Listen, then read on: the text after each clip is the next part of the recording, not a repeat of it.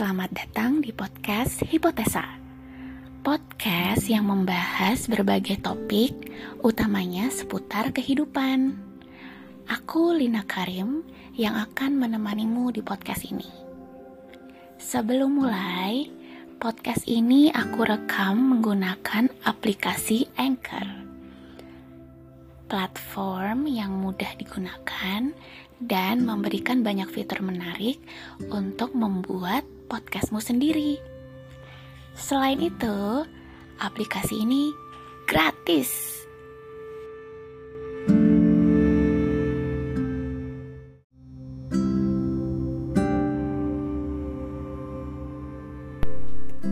Teman-teman, pernah gak sih merasa cemas dengan masa depan?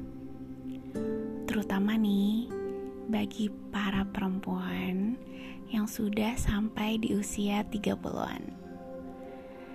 Mungkin sering kali ada sedikit rasa tekanan sosial untuk menikah dan memiliki keluarga atau tekanan lain yang mengharuskan kita untuk bisa mencapai kondisi finansial tertentu. Tapi teman-teman tahu nggak sih kalau sebenarnya semakin banyak perempuan yang memilih untuk menjadi lajang. Di podcast kali ini, aku akan coba membahas topik yang mungkin terasa sensitif, tapi masih relevan dan penting untuk dibicarakan. Mengapa semakin banyak perempuan yang memilih untuk menjadi lajang? Yuk, coba kita telusuri bareng-bareng.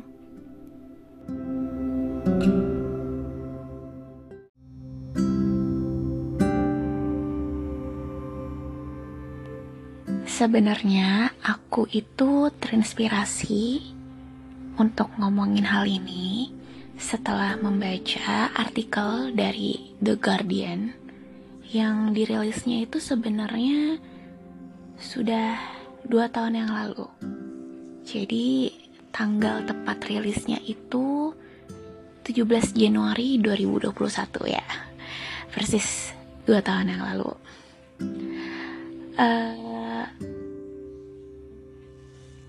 jadi kalau aku baca dari artikel itu dilaporkan kalau ada semakin banyak perempuan di seluruh dunia yang memilih untuk menjadi lajang.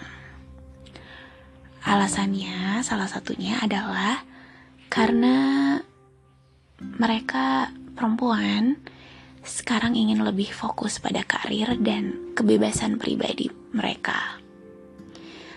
Selain itu, alasan lainnya ada juga yang memilih untuk menjadi lajang karena merasa tidak menemukan pasangan yang tepat dan akhirnya jadi tidak ingin menikah sama sekali deh. Banyaknya perempuan yang memilih menjadi lajang di usia 30-an itu sebenarnya bisa menjadi tantangan tersendiri.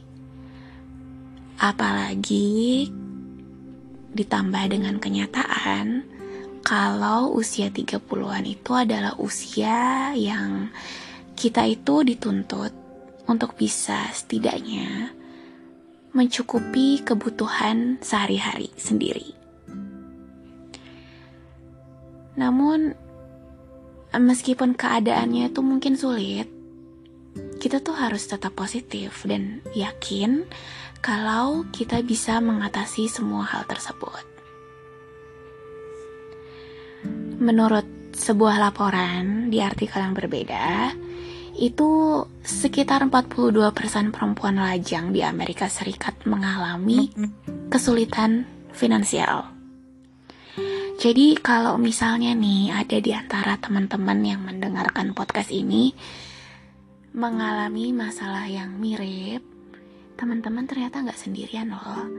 Justru teman-teman sebenarnya merupakan bagian dari mayoritas. Aku pribadi saat ini masih lajang. dan usiaku juga sudah masuk di kepala tiga.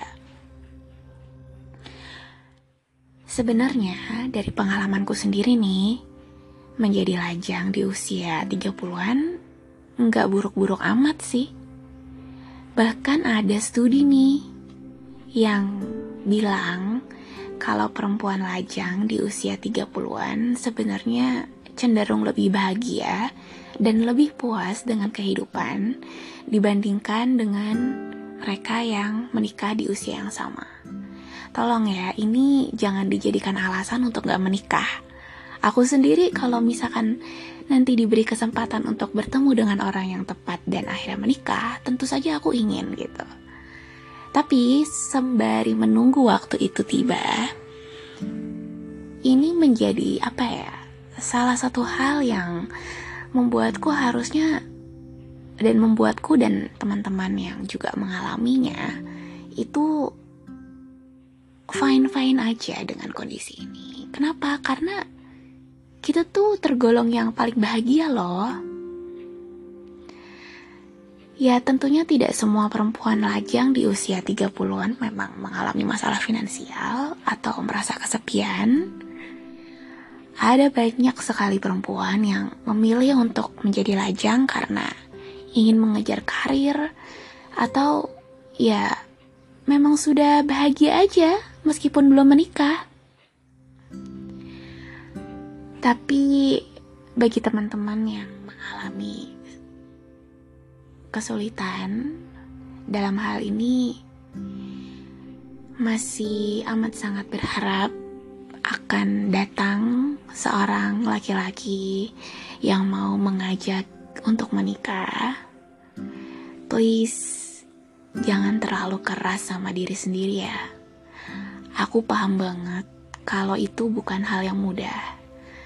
Karena aku pribadi pun ya juga mengalaminya. Jadi sembari berharap kalau akan ada hal baik nanti yang akan menghampiri kita, yuk kita sama-sama mulai memupuk rasa bangga dengan apa pun itu pencapaian diri yang sudah kita dapatkan lalu fokus sama hal-hal positif yang ada di hidup kita. Kalau ada di antara teman-teman yang masih merasa khawatir sama masa depan, coba inget deh, kalau hidup itu adalah perjalanan dan setiap orang memiliki waktu dan perjalanan yang berbeda untuk mencapai tujuannya masing-masing. Barangkali dengan kondisi kita sekarang yang masih lajang, disebut mulu ya, tapi ya memang ya. Barangkali dengan kondisi sekarang teman-teman justru bisa melakukan perjalanan seru ke tempat-tempat baru yang sama sekali belum pernah dikunjungi sebelumnya. Teman-teman juga bisa nih memaksimalkan diri untuk mencoba berbagai macam hobi yang dari dulu waktu masih kecil diidam-idamkan banget tapi karena satu dan kondisi yang lain jadinya nggak bisa kesampaian. Kayak aku nih misalnya. Dulu waktu masih kecil aku tuh pengen banget bisa main alat musik. Tapi karena kondisi keluarga saat itu tidak memungkinkan aku untuk mencoba belajar instrumen baru, sekarang aku ketika sudah di usia 30-an dan punya pekerjaan, jadinya bisa tuh mulai belajar main piano dan main biola atau lain sebagainya. Terakhir, aku cuma mau mengatakan kalau menjadi perempuan yang masih single di usia 30-an tidak berarti harus merasa sendirian.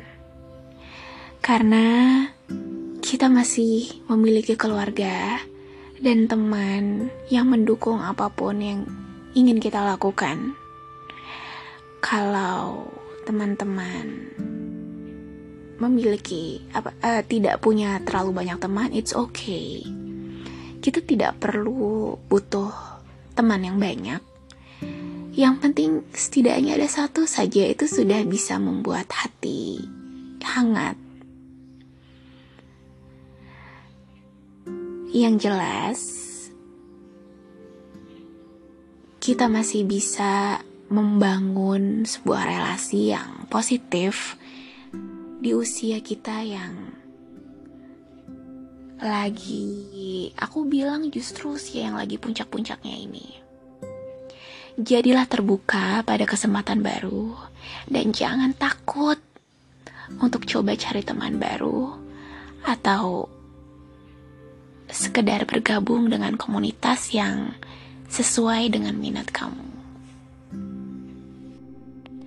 Terima kasih sudah mendengarkan episode kali ini. Dan sampai jumpa di episode berikutnya.